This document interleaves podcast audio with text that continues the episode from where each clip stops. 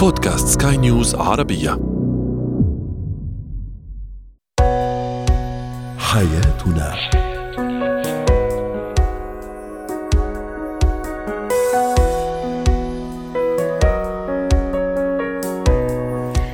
مستمعينا الكرام أهلا بكم معنا إلى حياتنا فضاؤكم اليومي الذي يعنى بشؤون الأسرة وباقي الشؤون الحياتية الأخرى والذي يمكنكم الاستماع إليه عبر منصه Sky News Arabia dot com slash podcast وباقي منصات سكاي نيوز عربيه الأخرى. شاركونا عبر رقم الواتساب 00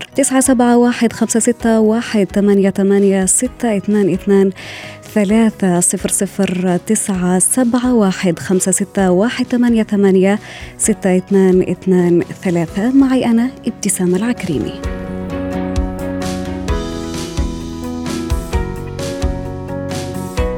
اليوم نتحدث عن كيفية تعامل الشريك أو الشريكة مع الأهل الغيورين عندما يغار أهل الزوج من مدى محبة ابنهم. لزوجته أو العكس تماما بالنسبة لأهل الزوجة. أيضا نتحدث عن الرياضات المناسبة للأطفال حسب العمر وكيف أحفز الطفل على ممارسة الرياضة. كما نتناول أيضا في هذه الحلقة مهارات تنظيم الوقت وإدارته بطريقة صحيحة لتحسين الحياة المهنية.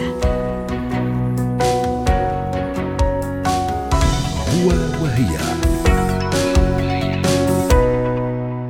كيف أتعامل مع أهل زوجي الغيورين؟ موضوع يحتاج من الزوجة أن تكون حكيمة وأن تخبر لا تخبر أحد بأي أمور خاصة في حياتها الزوجية والحال ذاته بالنسبة للشريك الذي يعاني من غيرة أهل الزوجة. هنا الشريكان لابد عليهما أن لا يفتح المجال أبدا لحدوث الخلافات بينهم بسبب هذا الموضوع حتى لا يكون ذلك سببا في الكثير من المشاكل. كيف تتعامل مع غيرة الأهل من شريك حياتك؟ هذا هو سؤالنا التفاعلي ورحبوا معي الآن مستمعينا الكرام بالدكتورة لما الصفدي الاختصاصية الأسرية والنفسية. يسعد أوقاتك يا دكتورة. يسعد أوقاتك؟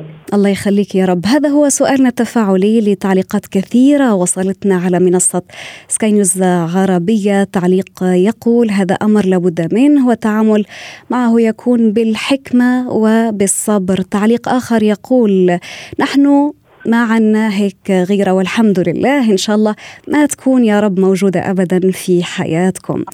تعليق يقول ما لازم الزوج يظهر أو يبين محبته الشديدة لزوجته عشان ما تشتعل حرب وتحس أمه أنه في حد أخذوا منها أخذ منها ابنه أو ابنها أو بشاركها حتى في حبه.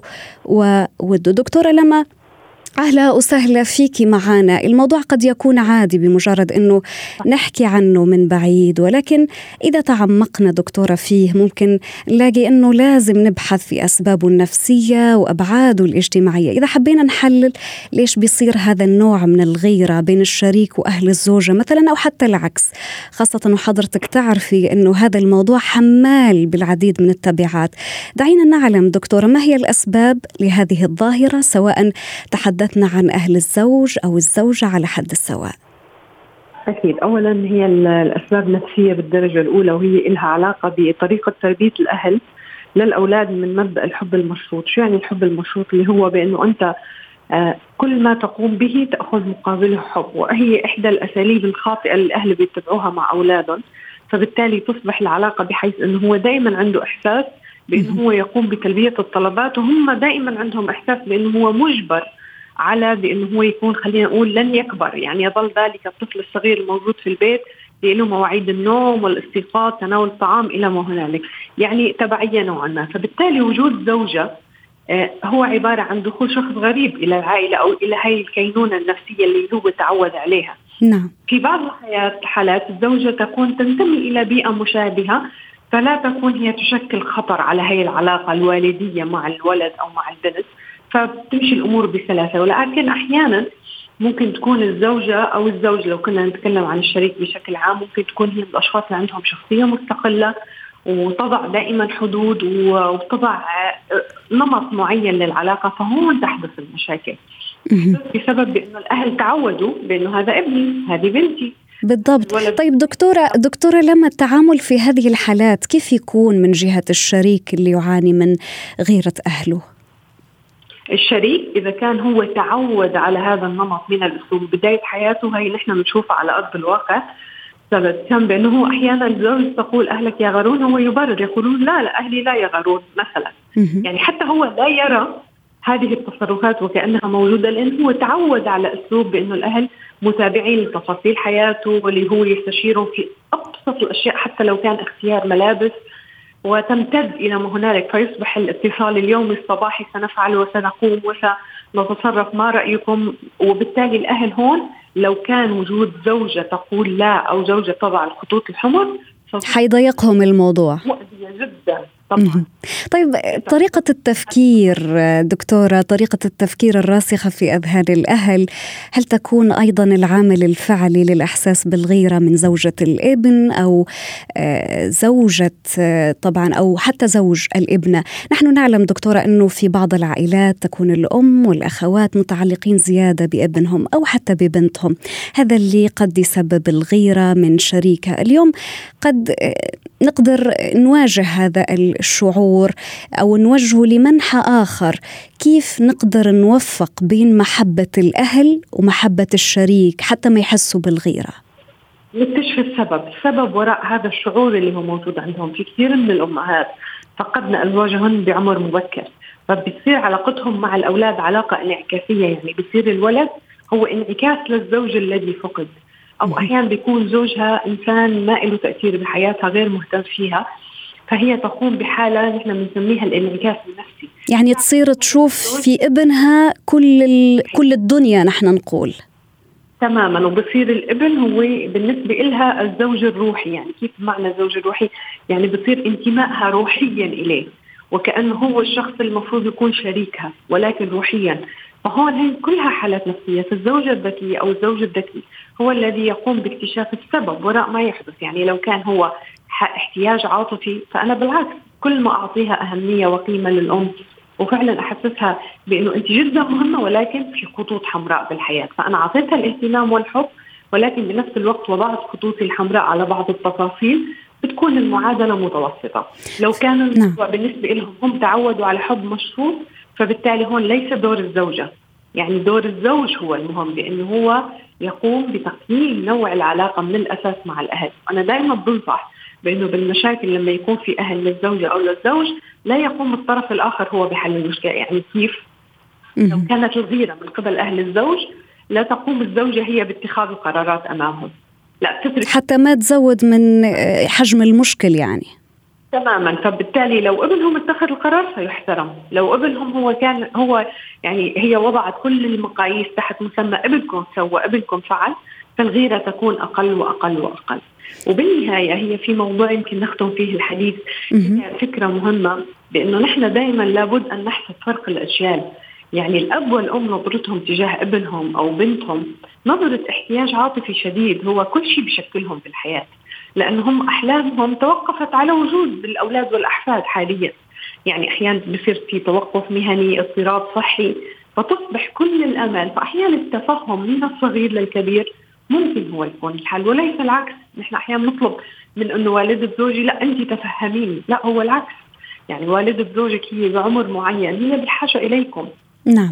بالعكس الإنسان كل ما بيكبر بالعمر احتياجه يصبح احتياج طفل صغير. دكتورة لما في بعض الأحيان يقول لك أنه لازم أنت تكسبي آه، قلب حماتك وبناتها حتى ما تصير حساسية بينكم بعد الزواج.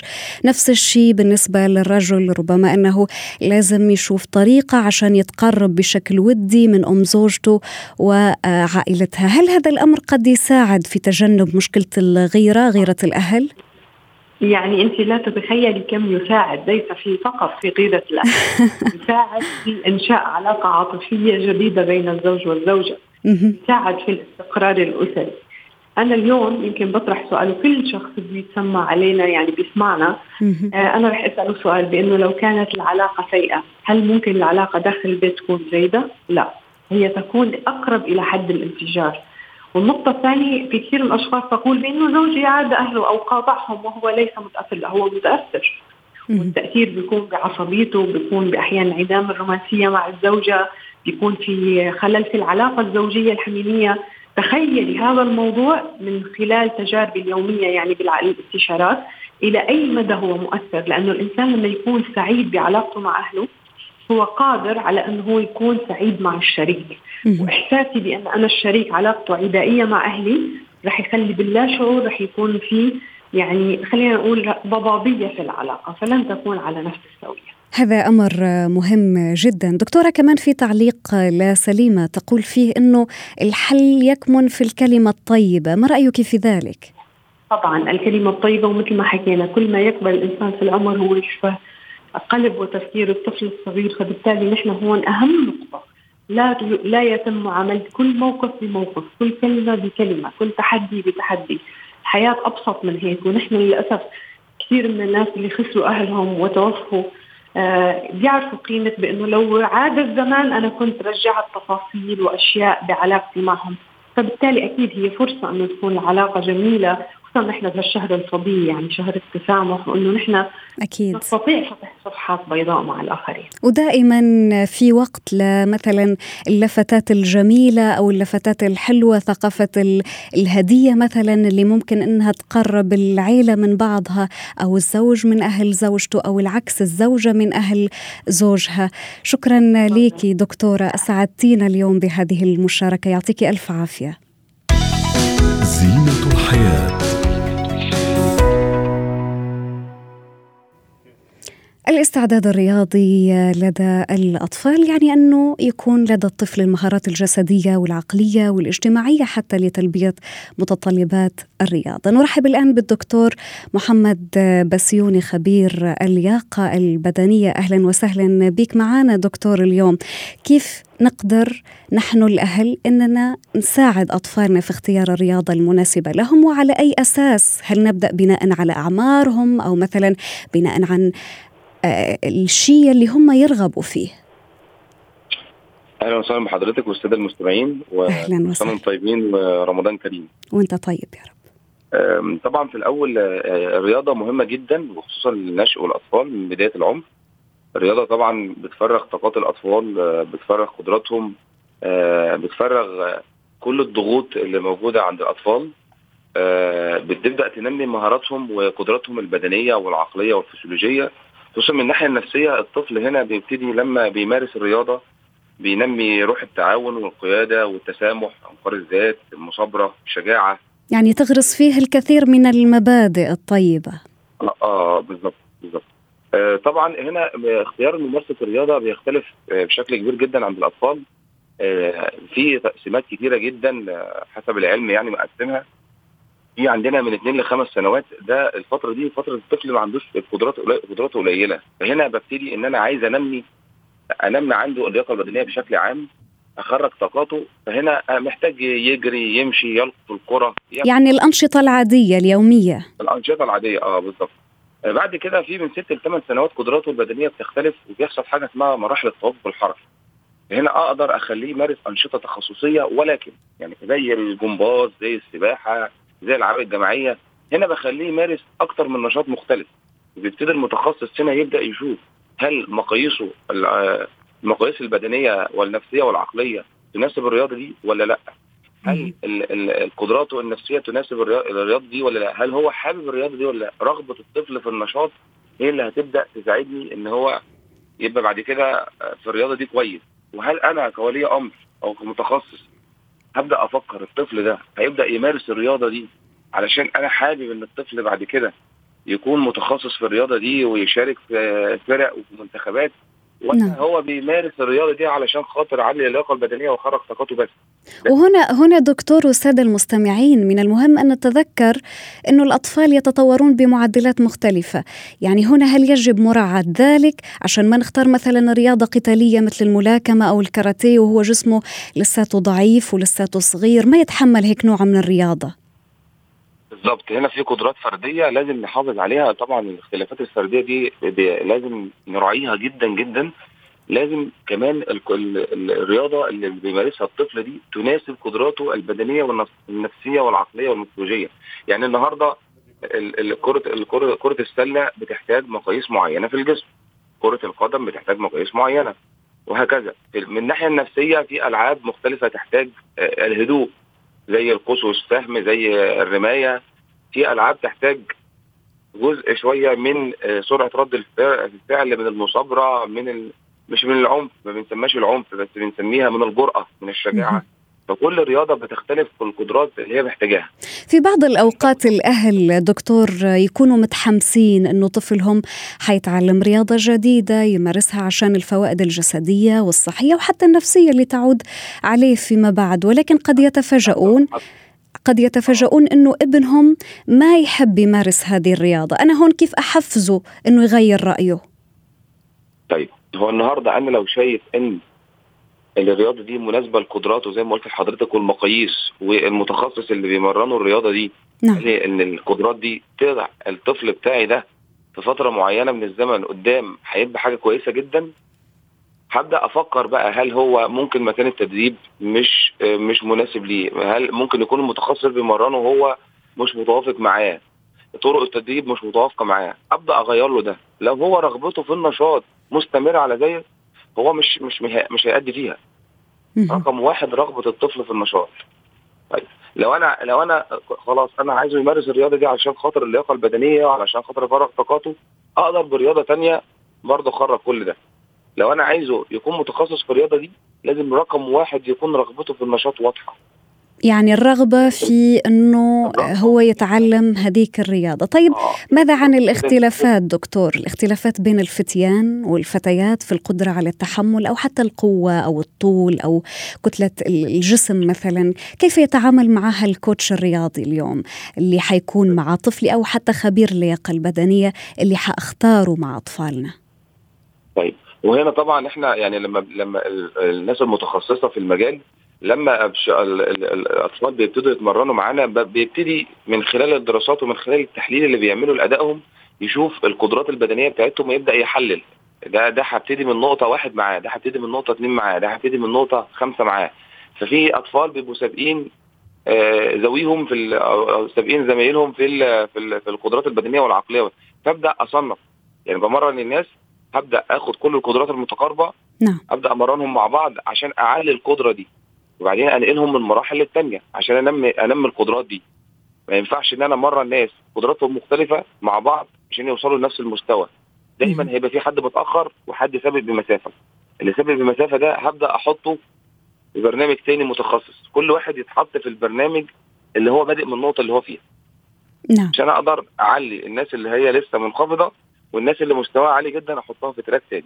وطبعا هيبدأ يظهر في ناس موهوبة جدا في ناس عندها مميزات. دي ودي الناس اللي بنشوفها بتوصل في منتخبات وبتحقق أرقام قياسية. وفي ناس بيوصلوا لليميت معين دي قدراتهم. بيبدأ يلعب لعب محلي أو آه، بيتمرن لنفسه. ودي الحياة. دي الحياة نعم. الطبيعية إن إحنا زي ما إحنا بنقول إن في قدرات في مصر عندنا بيقولوا صوابعك مش زي بعضها. بالضبط. ودائما الرغبة في القيام برياضة معينة هي اللي تغلب على كل شيء. دكتور محمد بسيوني شكرا لك. أنت خبير اللياقة البدنية أسعدني حضورك معنا اليوم. مهارات الحياة. إدارة الوقت قد لا تهدف إلى إنجاز المهام فحسب بل أيضا إلى ترتيبها حسب الأولوية وتنفيذها وفقا لهذه الأولوية في المقام الأول. لذلك إدارة الوقت هي مهمة وأهميتها بالغة نظرا لأنه الإنسان يجد نفسه أمام يعني تحدي كبير ومهام كبيرة في معظم الأحيان. العبرة هنا في تقسيمها وفي وضعها في جدول زمني وليس نسير بشكل عشوائي. نرحب الآن ب أستاذة لانا قاعاتي مدربة مهارات الحياة. أهلا وسهلا فيك أستاذة لانا. الوقت كالسيف مثل ما يقال. كيف اليوم؟ كيف نقدر أن نتحكم فيه؟ وكيف نقدر أيضا أن نكتسب هذه المهارة مهارة تنظيم الوقت؟ نهاركم سعادة مثل نهارك سعيد. الوقت مثل السيف في مقولة أو فينا نقول قاعدة معروفة أنه 80% من الإنتاجية عادة بتكون ب 20% من الوقت أو فينا نقول 20% من الجهد. يعني نحن بيكون بالعموم في في المجال العملي عندنا كثير من الوقت المهدور وأغلب الوقت ما بنعرف أن نحن عم نهدر هذا الوقت ونضيعه عامة أهم قاعدة نعملها لما بنكون عم ننظم جدولنا اليومي حتى قبل تحديد الأولويات نقيم الوقت نحن كيف بنمضيه إذا بتسالي أي موظف بيقول لك عم بفوت على الشغل بعدين بعمل شوية مهام عندي بريك بطلع بعدين لانش وبطلع برجع. ما في تقييم محدد كيف بيقضي آه، يومه العملي بشكل دقيق. خلينا نقول آه، لفترات مثلا ربع كل ربع ساعة كيف بيكون العمل. فمهم جدا إنه نحن نقيم وقتنا نعرف فعلا كيف عم بيكون جدول يومنا. إذا بتفتحي أي كالندر بأغلب الأوقات بيكون بس مسجل مثلا مواعيد آه، الاجتماعات بس ما في تسجيل لباقي المهام. طيب أستاذة لانا نحن دائما يعني ما نسمع عن ترتيب الأولويات، نحن اليوم كيف نحسن من كيفية تحكمنا في الوقت وكيف نرتب أولوياتنا؟ على أي أساس مثلا؟ هلا الأولويات بتكون حسب أول شيء إذا عندنا نحن ديدلاين مشاريع لازم نسلمها بمواعيد معينة فأكيد المواعيد بتسليم هي الأولو... تجي بالأولويات. دائما لما بدنا نفوت على الشغل نحاول بأول جزء من يومنا على الأقل نعمل ثلاثة أو خمسة من أولوياتنا. يعني هذا على الأقل. نعم. على الأقل طبعا حسب الوظائف بتختلف والأولويات بتختلف طبعا ممكن شخص يكون عنده عشر مهام باليوم غيرك يكون عنده 100 مهمة باليوم. بس على الأقل إذا نحن عم نقول من عشرة أول ثلاثة خمسة ينعملوا بالجزء الأول من يومك. نعم. طيب. خلصهم والأولوية دائما بتجي حسب إذا عندك deadline آه، إذا عندك مشروع لازم يتم تسليمه إذا عندك client آه، لازم تكون متواصل معه بوقت محدد. فهيك نحن بنقوم بتقسيم الأولويات. عنا. تمام. كمان بدنا ننتبه للمهام مدتها لأنه ممكن يكون عندك أولوية بالبداية لكن تاخذ معك وقت كثير طويل. فهل هو صحيح إنه نحن نبلش فيها ويضيع كل النهار وبتنتهي معنا أم لا؟ أم يمكن تأجيلها لبعدين لحتى نعطيها الوقت الكافي؟ يعني استاذه استاذه نعم. أستاذة لنا اعذريني فقط على المقاطعة ولكن الوقت يدهمنا. حاب أني أسأل عن آه، تحديد الأهداف. في بعض الأوقات قد يقولوا لنا حددوا أهدافكم بانتظام عشان تفهموا ما تحتاجون إليه أو ما تحتاجون إلى تحقيقه أنتم في هذا اليوم أو في هذا الشهر أو في هذا الوقت. اليوم كيف نقدر أن نحدد أهدافنا على حسب مثل ما حضرتك تفضلتي منذ قليل على حسب الأولويات؟ العمليات؟ معظم الوظائف بيكون في عندك تارجت فأنا لازم أكون عارفة أنا ال target اللي أنا بدي اوصله وأكون مقسمة لأنه في عندنا target تكون بشكل يومي بشكل أسبوعي بشكل شهري. بآخر النهار من الممارسات الجيدة إني اخصص مثلا ربع ساعة وراجع هي الأهداف. هل أنا طاقتي اللي عم بصرفها أو الوقت اللي عم حدده متماشي مع أهدافي لحتى أوصل بإنتاجية كويسة بمجال وبيئة العمل؟ أهداف العمل بتتحدد من أساس الوظيفة وطبعا بيكون في أهداف شخصية الواحد بيطمح فيها لحتى يترقى مثلا ويعمل المزيد. فبده يكون على دراية بالوز... مثلا بالمرتبة الأعلى شو بيكونوا عم يعملوا أو كيف الأهداف الأكثر اللي عم بيحققوها لحتى يبذل جهد أكثر ويعمل مهام أكثر يحققها. في أقل من دقيقة أستاذة لانا الناس اللي عندها الكثير من المهام ولابد أنها تقدر على إنجازها وإتمامها خاصة في الحياة المهنية هل من وصفة سحرية ليتمكنوا هؤلاء من تحقيق أهدافهم؟ الديليجيشن يعني طلب المساعدة وأعطاء يعني أعطاء مهمات لأشخاص ثانيين يساعدونا فيها نعم. دائما الناس ما بيحبوا يط... يعني بيخجلوا من طلب المساعدة لأنه بتعطي نظرة كأنه هن ما عندهم القدرة لتحقيق كل شيء. نعم. وفي كثير ناس ما بتحب آه، يعلموا غيرهم يساعدون. فهدول النقطتين مشاركة مع يعني الشكل الصحي. ومهمين مهمين هذول النقطتين كثيرا. شكرا لك أستاذة لانا قاعاتي مدربة مهارات الحياة ضيفتنا العزيزة كنت معنا من دبي. حياتنا. ختام حلقة اليوم من برنامج حياتنا. شكرا لكم على طيب الإصغاء وإلى اللقاء.